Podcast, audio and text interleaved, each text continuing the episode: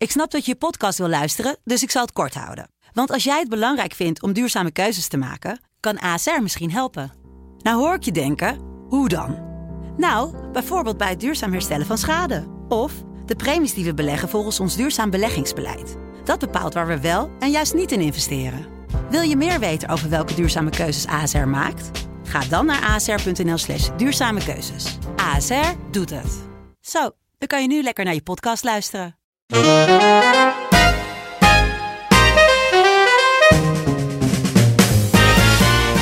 is Bonte Was Podcast.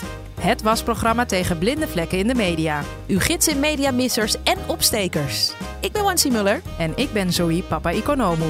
Elke aflevering praten we met een journalist of mediadeskundige over het vak, spelen we een spelletje in het Blinde Vlekken Kwartet en geeft woordkunstenaar Atta de Tolk zijn kijk op alles wat we hebben besproken. Deze keer is Madeleine van de Nieuwenhuizen van Zijkschrift bij ons aangeschoven om te praten over gender en stereotyperingen van mannen en vrouwen. Welkom Madeleine. Leuk. Ja, Leuk dat je er bent. Um, wat is Zijkschrift? Zijkschrift is een platform op Instagram waar ik eigenlijk verschillende dingen in de, in de me Nederlandse media bekritiseer. Dat doe ik nu 2,5 jaar en het focust eigenlijk op thema's zoals seksisme, racisme, diversiteit uh, of gebrek aan diversiteit, uh, heteronormativiteit, allerlei iviteiten. En hoe ben je daar ooit, waar ben je daarmee begonnen? Um, nou, 2,5 jaar geleden, de dag toevallig voordat ik naar New York verhuisde. Want ik heb de afgelopen 2,5 jaar in New York gewoond. Maar ik was weer even in Nederland. Ik zat daarvoor um, eventjes in, in Wenen voor een stage. En ik had al een hele lange tijd eigenlijk geen Nederlandse bladen meer gelezen. Ik had gestudeerd en nou, dan ben je met boeken bezig. En mijn ouders hadden altijd heel erg veel tijdschriften thuis. Want ze zijn allebei fysiotherapeut. Dus die kwamen uit de wachtkamer mee terug naar huis. Dus, dus vroeger las ik er echt heel veel. Nou, ik had het een tijdje niet gedaan gedaan. En ik was daar weer een weekend en ik nam ze door en ik dacht: wow, er staat echt nog best wel heel veel kwalijke bullshit in. Uh, waar kan ik daarmee naartoe? En ik dacht: oké, okay, misschien de Raad voor de Journalistiek. Maar ja, daar stond eigenlijk op van je kunt een brief sturen, maar eigenlijk alleen als het jou zelf aangaat. Dus als er smaad of laster is. Ja, niet ehm, iedereen is een lid van de Raad van de Journalistiek. Nee, en ja, wat is dat eigenlijk? zo, zo zat ik erover te lezen. Um, en ik dacht, ja, ik kan wel naar uh, Jan Magazine een brief gaan schrijven, maar ja, ik geloofde er niet zo in dat er iets mee zou gebeuren. Dus toen dacht ik, oké, Instagram was op dat moment nog niet, zeker in Nederland, niet, niet heel erg groot. Um, maar ik zag wel dat daar een potentie lag om dat als een soort activistisch platform te gebruiken. Dus ja, zo uh, ben ik het begonnen. En ik heb dat dus eigenlijk 2,5 jaar, twee, twee jaar op afstand gedaan vanuit New York met een hele kleine groep volgers. En dat is de afgelopen zes maanden opeens heel hard gaan groeien. Je hebt het over kwalijke bullshit. Wat is dat? Nou wat ja, versta je daaronder? Nou, bijvoorbeeld, wat ik al zei, dingen zoals bijvoorbeeld seksisme, um, terugkerende stereotyperingen van bepaalde groepen in de maatschappij. Um, kwalijke stereotyperingen. Dus je, je, je, je, hebt grapjes, maar je hebt ook dingen die uh, eigenlijk ongelijkheid op subtiele wijze in stand houden. Doordat je bijvoorbeeld zegt: um, alle Chinezen werken in een, uh, werken in een lumpia bar. Of uh, alle vrouwen zijn. Uh, of hè, je vriendin zal wel hysterisch zijn in die relatie. Of als jullie ruzie maken, dan kropt zij natuurlijk alles op. En dan komt het er allemaal opeens uit. Of net zo goed stereotypes over mannelijkheid. Ik bedoel, het neemt allerlei vormen aan. Maar ik vind het gewoon interessant hoe uh, stereotyperingen of afwezigheid van bepaalde groepen in de maatschappij in bladen en kranten, hoe dat uh, ongelijkheid in stand houdt. Sinds die 2,5 jaar dat je ermee bezig bent, zijn er dan dingen die je zijn opgevallen qua trends of tendensen? Um, ik focus primair op dingen die ik bekritiseer. Maar er zijn natuurlijk ook dingen die goed gaan. Dus uh, hè, waar aan de ene kant inderdaad nog altijd veel um, ja, absurde schoonheidsidealen, bijvoorbeeld uh, vrouwen ten laste worden gelegd. Of stelselmatig mensen van kleur ontbreken, percentagewijs in bladen. Zijn er ook positieve ontwikkelingen, zoals bijvoorbeeld um, hè, doordat de mode-industrie en de make-up-industrie heel erg gediversifieerd is de afgelopen twee, drie jaar. Eigenlijk doordat YouTube uh, beauty-bloggers dat aan de kaak stelden, um, hebben dus ook bladen nu bijvoorbeeld shampoo voor kroeshaar, wat ze aanprijzen. Of uh, gewoon niet maar twee tinten bruin en zwart voor de foundation, maar gewoon twintig. Um, dus, dat, dus je ziet ook verschillende dingen doorwerken in de media. En uh, er worden meer goede verhalen verteld over uh, wat het is om een vrouw te zijn. Dus bijvoorbeeld wat ik heel goed vind aan de Cosmopolitan en de Glamour de laatste tijd, of de Harper's Bazaar, is dat ze ook steeds meer verhalen aan het vertellen zijn van zo kun je als vrouw goed onderhandelen op de werkvloer, of zo, uh, hè, et cetera. Maar goed, ja, primair focussen dus op de minder goede kanten. Maar ik vind allebei interessant. We hadden het over stereotyperingen. En heeft dat niet ook te maken met hoe journalistiek werkt of hoe media werken? Dat je heel erg een vette kop wil hebben. En zit het hem daarin of zijn het, is, het, is het subtieler? Ja, ik denk dat er veel dingen in elkaar grijpen. Kijk, media zijn natuurlijk altijd geïnteresseerd in sensatie. Dat zie je zeg maar in het meest extreme geval in bladen als de privé of de story. Um, zo van, uh, Angelina, dan zie je zeg maar slechte foto van Angelina Jolie. En dan staat erbij van uh, Angelina Jolie uh, kapot van huwelijksperikelen. Terwijl I think she's doing just fine. Maar um, waar draaien stereotypes vaak op? Dat zijn per definitie simplificeringen van, simplificaties van uh, veel genuanceerdere dingen. Je kunt niet spreken over alle vrouwen. Je kunt niet spreken over alle mannen. Je kunt niet. Um, nou ja, en dus dat is zeker een element. Dus de soort van hang naar uh, het versimpliceren van. Ik vergeet het, het Nederlandse woord ervoor. Maar het simpeler maken van, van complexe zaken. Maar ook inderdaad, hoe werken redacties? Wie werken er op die redacties? Wat zijn de blinde vlekken van journalisten? Maar eigenlijk gewoon mensen in het algemeen. Want ja, we kunnen doen alsof het een soort speciaal, uh, speciaal ras is, die journalisten.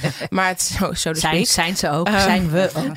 maar, maar het zijn ook mensen. ja, want wie spreek jij aan? Uh, als je, spreek jij de individuele journalist aan als je iets, een blinde vlek laat zien? Of de redactie of het medium? Het verschilt een beetje. Um, ik probeer eigenlijk echt te kijken naar grotere lijnen.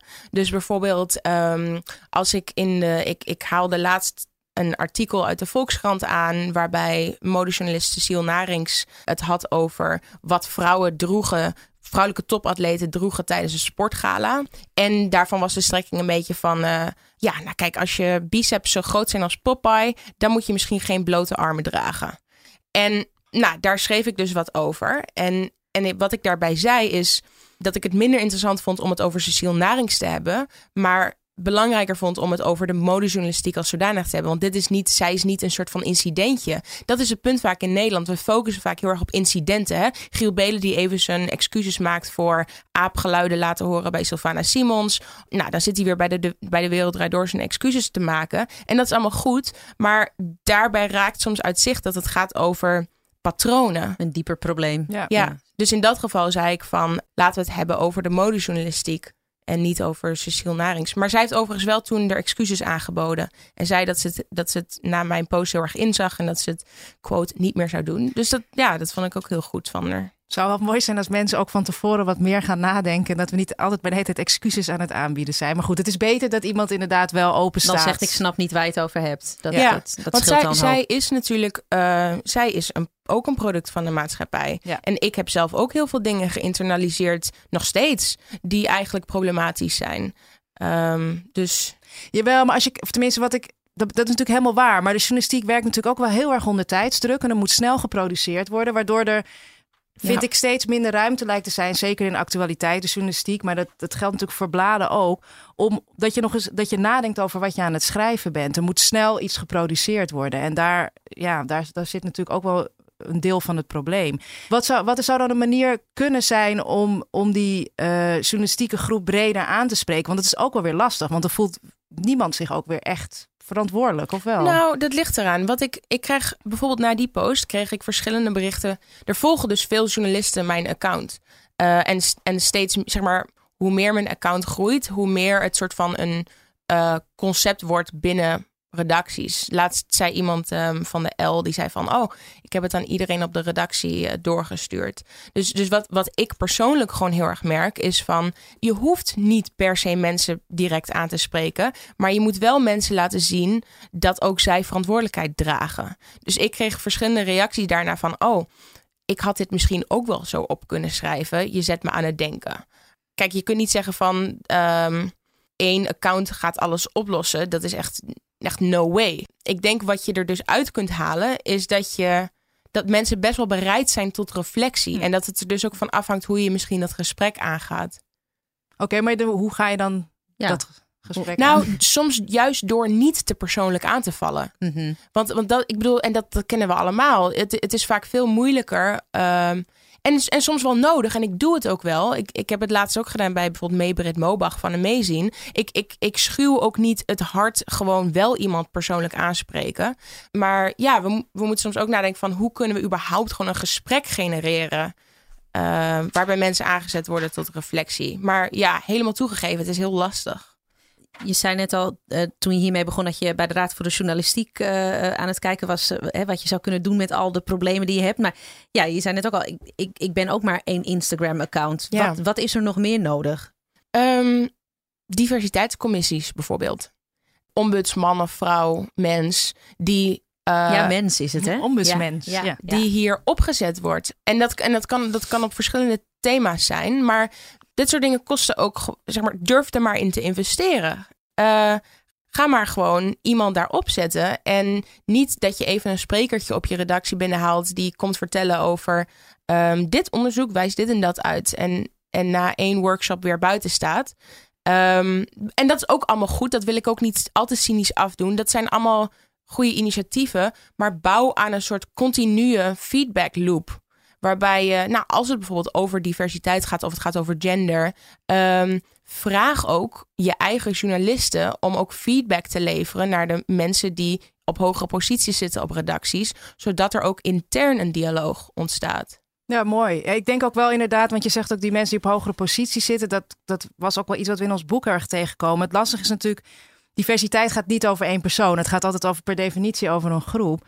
Ehm, dus het, het, is ook, het is soms ook lastig om van individuele mensen te vragen om daar heel erg mee bezig te zijn. Het, het zou natuurlijk wel het beste te zijn, maar als dus vanuit de leiding ook helemaal niks komt, of dat niet belangrijk wordt alleen. gemaakt, Ja. ja, dan ben je toch alleen. Dus dat is inderdaad wel, ehm, die, die wisselwerking zou heel belangrijk zijn. Ja, ik denk dat het te vaak als een soort van special issue wordt gezien. Zo van, Mhm. oh ja, dat is ook een dingetje. In plaats van dat het een geïntegreerd eh, onderdeel van de manier waarop jij journalistiek doet wordt. Straks vat woordkunstenaar Atta de Tolk samen wat wij allemaal hebben besproken. Maar eerst is het tijd voor een spelletje.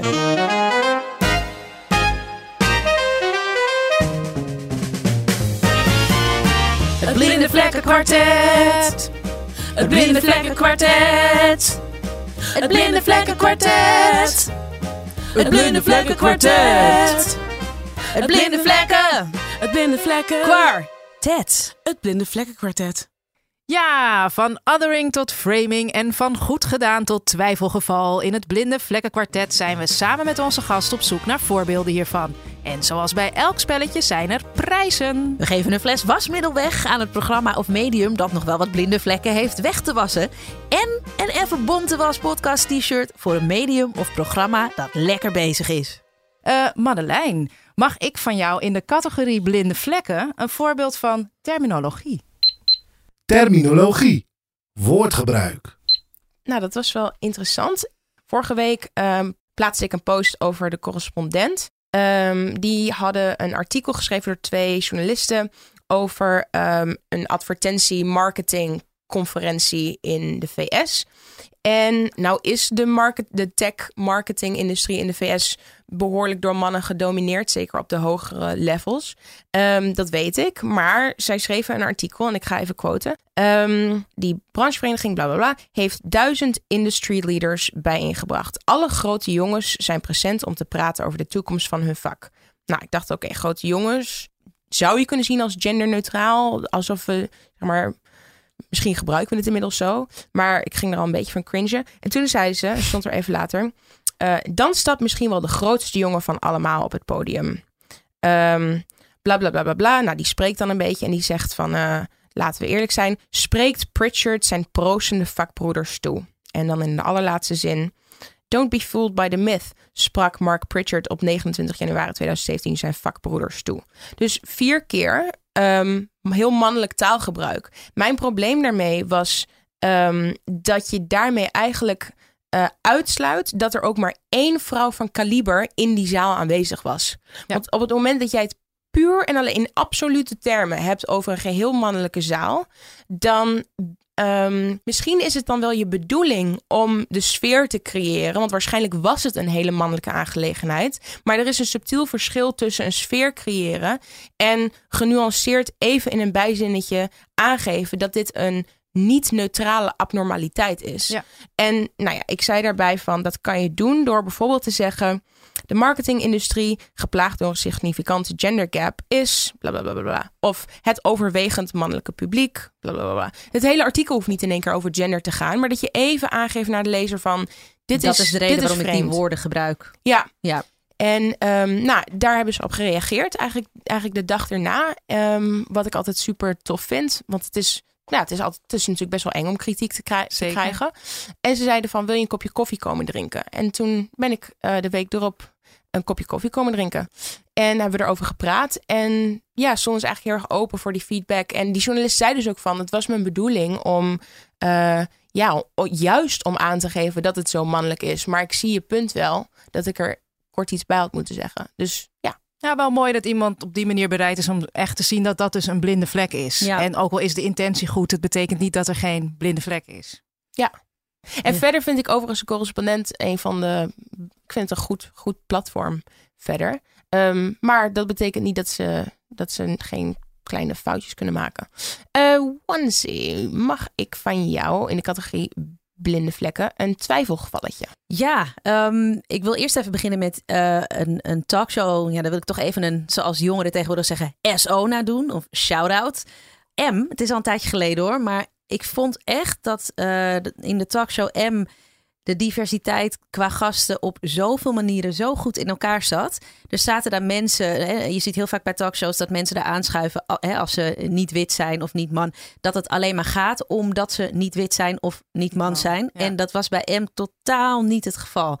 Dus daar Oh, wilde ik even een shout-out naar doen. En Ja. toen was ik eh, gisteren even aan het kijken naar eh, Jinek. En toen was ik even aan het terugscrollen eh, hè, hoe ze het de afgelopen maand heeft gedaan. En toen zag ik dus dat ze elke avond tenminste één vrouw aan tafel had. En toen dacht ik, nou, dat vind ik best wel positief. Ja, maar het was Ja. wel. Ik was dus. Ik was toevallig onlangs eh, bij de, de Vrouw en Media Awards. En vaker in de media, die heeft eh, ook weer geteld. Hè. Dat gebeurt natuurlijk vrij vaak. De ombudsman heeft overigens ook weer geteld. Ja. En wat ik, dus, wat ik dus daar zag, en het verbaasde mij ook, hè, want Jinek is heel uitgesproken hierover. Dat is denk ik ook heel goed. Alleen daar bleek dus specifiek Jinek het het slechtste te doen qua vrouwelijke tafelgasten. Dus dat is daar dan weer eh, heel ingewikkeld aan. En eh, wie het, eh, M deed het inderdaad. Daar kwam het dus wel naar buiten dat M het juist heel goed deed op Ja. turven. Dus bijna 50-50 qua man-vrouw. Maar Jinek dus 80-20. Ik ben dan benieuwd, bedoelen ze ehm, dat er eh, in absolute aantallen dus bij al die talkshows meer vrouwen zaten? Want dat zou dus kunnen betekenen dat eh, een andere talkshow van de vijf dagen, drie dagen alleen maar mannen aan tafel heeft en twee dagen alleen maar vrouwen. Dan heb ik liever dat er elke dag één vrouw aan tafel zit. Waarom? Ik ben gewoon benieuwd. Omdat ik gewoon liever elke dag een vrouw wil zien. Dan, want wie weet kijk ik, eh, kijk ik die dagen, die twee dagen Oh ja. dat er vrouwen zitten niet. En dan denk ik dus dat er alleen maar mannen zitten. Dus ik heb liever elke dag minstens een Ja. vrouw dan... Nou, of, of zoals wat je soms merkt. ehm, eh, we hadden het daar eh Zoe laatst over in Pakhuis de Zwijger. Ehm, eh, toen we bij, bij Martin Luther King eh, evenement waren. Dat iemand zei, ja, waarom is het zo dat, dat bij de wereld draait door... alleen als het over jazz gaat, dan opeens zitten er zwarte mensen aan tafel. Of Dus over hip-hop. Ja, of Of over hiphop. urban. Hè, als, je, als, je, als je dat in cijfers zou nemen, dan zou je kunnen zeggen: Oh, er zaten deze maand eh, tien mensen van kleur bij, bij de Wereld Draait Door aan tafel. Maar als, dat- als die allemaal op één dag aan tafel zaten om over jazz te praten, dan krijgt het opeens weer een andere lading. Ja, dat is precies wat ik bedoel. Ik noem het wel schijndiversiteit. Schijndiversiteit. Naar buiten toe divers willen lijken, maar van binnen niks willen veranderen. Wat niet betekent dat het, wat mij betreft, helemaal niet goed is. Want representatie is per definitie goed. Want we, he- we hebben moeten zien dat er vrouwenlichamen zijn. We moeten zien dat er gekleurde lichamen zijn. Dat is heel erg belangrijk. Maar als het achter de schermen eh, totaal daar niet op wordt gelet. Of tenminste als er een beetje op wordt gelet, maar het is niet belangrijk genoeg. Of het wordt inderdaad alleen maar bij bepaalde onderwerpen gedaan. Dan, Ja. Ja. dan heb je een soort van schijndiversiteit. Dus het is, het is wel een, een heel goed twijfelgevalletje inderdaad. Want er zitten voor- en nadelen aan. Want ik zal altijd blijven zeggen zelf... representatie toch altijd doen. Maar diversiteit gaat niet alleen over het beeld. Als het op de redactie daarachter, als er niet over wordt nagedacht, als daar niet bereidheid is om ook ruimte te maken voor andere perspectieven. Anders zet je er alleen maar poppetjes neer om het poppetjes neerzetten. Precies, Ja, ja, ja. daar hebben we niet zoveel aan. Ehm Zoe, heb jij eh, voor mij in de categorie blinde vlekken een voorbeeld van onderwerpselectie? Onderwerpselectie. Weinig oog voor verhalen in de samenleving. Het is wel een hele pijnlijke, dat zeg ik er eerlijk bij. Want het is van een programma wat ik graag kijk. Een van de Oh. weinige programma's wat ik altijd standaard ook kijk. Want het is namelijk een mediacritisch programma. En ik vind dat er. eh, dat het heel belangrijk is dat er platformen zijn zoals Zijkschrift, of Medialogica, waar de manier van werken van journalisten onder de loep wordt genomen, is gewoon heel belangrijk het- voor het vak. Want journalisten hebben ook macht, die hebben definitiemacht. Maar goed, de laatste aflevering van Media eh, Logica eh, in januari. Letterlijk heette dat de MeToo-paniek. Oh nee, het media mijnenveld MeToo. Nou, het lastige aan die uitzending is, is dat het, eh, het gaat over MeToo en eh, over trial by media. Dus wat je ziet gebeuren is dat er wordt gesproken over hoe er bijvoorbeeld mensen die mogelijk vals beschuldigd zijn, ehm, die krijgen daar heel veel ruimte om daarover te praten. Eh, sowieso, laat ik daarmee beginnen. Er zitten acht sprekers in, waarvan maar één vrouw. En die vrouw komt voor het eerst pas aan het woord na een kwartier. Beetje En laat, beetje weinig. nou ja, precies. Kijk, het lastige is natuurlijk, eh, er zijn natuurlijk, eh, er is ook heel veel misbruik van mannen, seksueel geweld richting mannen. Dat is zeker ook heel erg belangrijk. Maar het is wel interessant dat je een hele uitzending maakt, waarbij de enige casus over seksueel, mogelijk seksueel geweld richting een vrouw, is er een die twijfelachtig is. En dat vind ik heel erg ingewikkeld aan deze uitzending. Ik vind dat we hier nog lang niet aan toe zijn. Of dit ging in dit geval over de hoofdredacteur van Vice. Of die nou valselijk beschuldigd is of niet. En het is heel erg als dat wel zo is. Maar ik wil het eerst hebben over al die vrouwen en ook mannen die misbruikt zijn en wat dat betekent. En wat ik heel erg schadelijk vind in zo'n programma is dat er dus ook heel erg ruimte wordt geboden aan journalisten toch om te laten zien van hoe zij eh, eh, scoopjes hebben gehaald. En ook al is dat wel kritisch, maar het wordt wel het wordt heel masculien. En waar het over gaat, over het feit dat we eh, dat er heel veel seksueel geweld richting vrouwen is. We hebben het over miljoenen vrouwen tegenover een aantal mogelijk valse beschuldigingen. Dat vind ik totaal niet met elkaar in verhouding. Ja, ik kan daar echt heel erg kwaad van worden. En daar heb ik ze toch genomineerd. Maar ik vind het moeilijk omdat ik ze verder heel goed vind. Maar ik vind dat je daar echt over moet nadenken als programma. Omdat je het onderwerp heel erg schade kan doen. En ik vind dat je met zo'n onderwerp doe je het MeToo-onderwerp echt schade. Godzijdank zat eh, de directeur van Atria erin die gelukkig zinnige dingen zei. Die vrouw na 20 minuten. Ja, die zat er dan drie of vier keer in, kort. En nou ja, die, die mocht dan wel zinnige dingen zeggen. Maar verder hoorden we alleen maar mannen praten over hoe ze hun onderzoek hadden gedaan. Eh, over alleen maar casussen die verder met mannen te maken hadden. Wat natuurlijk ook heel erg is. Ik bedoel, seksueel geweld is altijd erg. Maar het grootste gedeelte gaat over vrouwen. Zou het nog kunnen dat, dat als vrouwen ehm, de MeToo-zaken, vrouwelijke journalisten MeToo-zaken wilden behandelen, eh, dat daar dan misschien wel van gezegd zou worden van dit is een onderwerp dat te dicht bij je staat? Zou dat, zou dat, ik weet niet of dat is gebeurd, maar dat zou me ook niks verbazen als dat speelt. Nou ja, je ziet het wel, eh, wat heel erg in het onderzoek natuurlijk van Anne Brecht en mij naar voren komt. Is als je het hebt over afkomst, kleur en religie, gebeurt dat Ja, wel. ja, gebeurt dat heel erg, want jij bent moslim, dus je kan niet over de islam schrijven. Niet Dus- objectief, ja. Veel meer twijfel aan journalistieke integriteit. Ik weet niet, omdat ik, ja, ik werk zelf nu niet op een redactie, of dat met MeToo gebeurt. Ik vind op zich, ik, ik, ik denk dat ik het, ehm, ik snap heel erg wat je bedoelt, maar ik vind wel dat er een gesprek mag plaatsvinden over valse aantijgingen en over hoe we omgaan met ehm, ja, zeg maar, grijze zones waar het lastig is. Dat, volgens mij is dat niet per, se- per se het probleem. Het probleem is meer net hoe dit aangepakt werd qua structuur en qua wie, wie laat je aan het woord en hoe leid je het in. Kijk, alleen al een woord als bijvoorbeeld, eh, wat was het? Uh, meet, eh, mijn, Mijn, mijnenveld. De- je moet nadenken over taal, weet je? Ja. Als jij een gesprek wil hebben over, ehm, over de, de ethische moeilijkheid van seksueel geweld en wie we daarover laten meepraten en wanneer we iets serieus nemen, gebruik dan niet suggestief taalgebruik als mijnenveld of paniek, wat ik inderdaad ook veel in, in artikelen zie langskomen of dingen als eh, mannen mogen niks meer, mannen zijn, zijn nu zeg maar Alsof zij de slachtoffers zijn in het verhaal. ja, Ja. Ja. Ehm, dus, dus voor mij gaat het in dat geval meer om hoe wordt een debat geframed en inderdaad wie zit er aan tafel. Het gesprek als zodanig mag, als, als het andere gesprek ook gevoerd wordt, mag dit gesprek van mij ook gevoerd worden. Ja, maar dat andere gesprek wordt nog gewoon veel te weinig gevoerd. En daar gaat het wel heel, heel even over in die uitzendingen. Dat wordt vooral door die mevrouw eh, van Atria eh, gezegd van... eh, we, we, hebben het veel te weinig over de vele slachtoffers die er zijn. We hebben het veel te weinig over het gesprek dat we moeten voeren over grenzen... als we het over seksualiteit hebben. Maar ik vind echt dat dit, deze aflevering veel te snel kwam... en veel te eenzijdig was. Dus ik ben het ook met je eens... Trial Media mag altijd besproken worden, maar echt niet op deze manier. We willen nog wel eventjes natuurlijk positief afsluiten. Dus Madeleine, heb jij misschien nog voor mij in de categorie goed gedaan... een voorbeeld waar onderwerpselectie wel goed gaat? Ja, zeker. Ehm, het is wel grappig, want eigenlijk als we het over bladen en kranten hebben, wat een categorie is die eigenlijk standaard daarbuiten valt in de gesprekken, zijn de bladen voor hele jonge meiden. Zoals de Tina of de Girls met een uitroepteken erachter en een Z.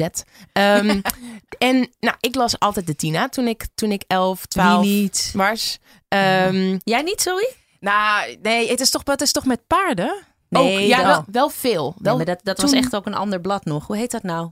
Po- eh, De Penny, Penny. Penny. Ja. Oh, Oh, ja, nee, ja. nee, ik maar- de popfoto. ja, ook. Ja. Dus de strip Noortje had wel inderdaad Ja. altijd paarden. En nog steeds trouwens. Oh, Die- echt? ja, die heeft nog steeds paarden. Ja, ik, ik zat er van de week eh, door te bladeren. Maar in ieder geval, wat ik heel erg leuk vind, is dat ehm, die bladen vallen vaak een beetje buiten het gesprek. Want dat is een soort niche eh, doelgroep natuurlijk.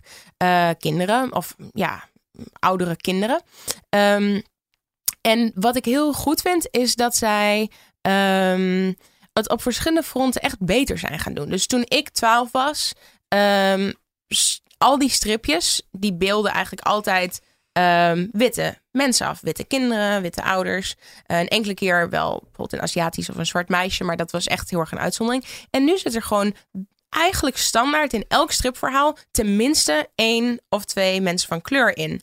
En ja, de- daarvan kunnen we doen van, nou is dat nou zo baanbrekend? Maar ja, dat doet er Zeker. toe. Ja, ik bedoel, dat hoef ik jullie niet te vertellen. Maar Ja. de, zeg maar, ik denk dat er veel mensen zouden zijn die, die, die denken van... oh, is dat een heel groot verschil met zo nu en dan iemand van kleur? Ja, dat maakt echt wel uit. Eh, nog een voorbeeld van de Tina. Ehm, dat ze een... eh, nou, ze hadden een recept opgeschreven van zo maak je een lekkere salade. En het was een eh, zusje die haar grotere broer, die aan het koken was, daarmee hielp. Bovendien ook allebei van kleur, ook heel erg leuk. En dus die man was aan het koken. Ehm, dat soort dingen. En dingetjes als... nou, je hoeft, nog heel, je, je hoeft helemaal geen make-up te gebruiken. Oh, maar, maar Hm. als je het een keertje leuk vindt, dan is er deze glitterlipstick. Dat ik denk, yes, go get hem, Tina. Dat is, dat is echt revolutionair. Want Ja. vroeger was inderdaad lippenstift en, of make-up was echt... Dat, dat, dat, dat wilden ze je volgens mij echt wel aansmeren. Oh, maar vertel nog even dat jij een keer roze lippenstift kreeg. Ja, ja, nee, je zus. Je ja, mijn zus. zusje. We hadden ooit meegedaan aan een prijsvraag of zo. En eh, toen eh, had mijn gewonnen. En toen kreeg ze een knalroze lippenstift. Die totaal niet matchte bij eh, haar donkere huid. Dus ik weet niet eens wat we daarmee... Volgens mij hebben we hem gewoon ergens in een, in een hoekje laten liggen. Het Was heel, we waren natuurlijk heel blij dat we hadden gewonnen. Maar ja, wat moet je ermee? Ja, Ja, dan is Dus- dit wel een mooie vooruitgang, ja, toch? precies. ja dus Ja. Die, eh, ja, die jonge meidenbladen die zijn echt eh, lekker bezig. En dan nu, het moment waarop iedereen heeft gewacht. De uitreiking van de Bonte Was podcast Blinde Vlekkenprijzen. Ja, wij moeten een eh, fles wasmiddel. eh, we moeten er met z'n drietjes uitkomen. Eigenlijk met z'n vieren, want er zit nog iemand in de studio. Maar daar komen we zo op. Ehm, eh, wie er nou een fles wasmiddel verdient. Hè, wie wat- nog wel wat blinde vlekken schoon te wassen heeft. Mooie duurzame wasmiddel. Ja, van Marcel's Green Soap mogen we een flacon wasmiddel weggeven. Die draagt graag bij aan minder blinde vlekken. Ja. We hebben het gehad over de correspondent die, die een veel, fin- veel te mannelijk taalgebruik had. Jinek die wellicht aan schijndiversiteit doet. Eh Medialogica die eh, veel te vroeg is met eh, de kant van mannen belichten in de MeToo-affaire. En de Tina die het heel goed doet, maar daar komen we zo meteen nog op. Wie van die drie verdient een fles wasmiddel? Ehm, nou, wat ik goed vond aan, aan jouw punt, Zoe, is dat het ehm, ik zie het namelijk herhaaldelijk gebeuren, ook in andere mediavormen. Artikelen die maar keer op keer verschijnen over...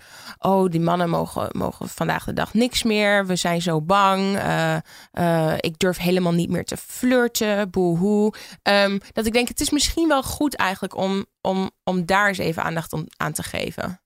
Dus ja. Dus jij zegt medialogica. Ja. Als symbool daar dan in dit geval voor. Sorry, medialogica. Ja, ja. Oké. Ja, ja, daar sluit ik me eigenlijk wel bij aan. Ja, ik, ik vind eh, dat het gesprek. Nou ja, ik bedoel, ik wil er niet, niet meteen weer de Zwarte Pieten discussie erbij halen. Maar dat er ook altijd maar dezelfde kant belicht wordt. En ik vind dat dat met MeToo ook heel erg gebeurt. Dat, dat de slachtofferrol van mannen ook altijd even genoemd moet worden. En dat leidt heel erg af van waar we het echt over moeten hebben. Ja. Dus eh, ja, Nou ja, ik sluit me daar natuurlijk ook bij aan. Ik bedoel, en wa- waar ik bij wil zeggen dat het inderdaad, eh, het, iedereen heeft blinde vlekken. En dat vind ik eh, goed van de correspondent dat je dat ziet.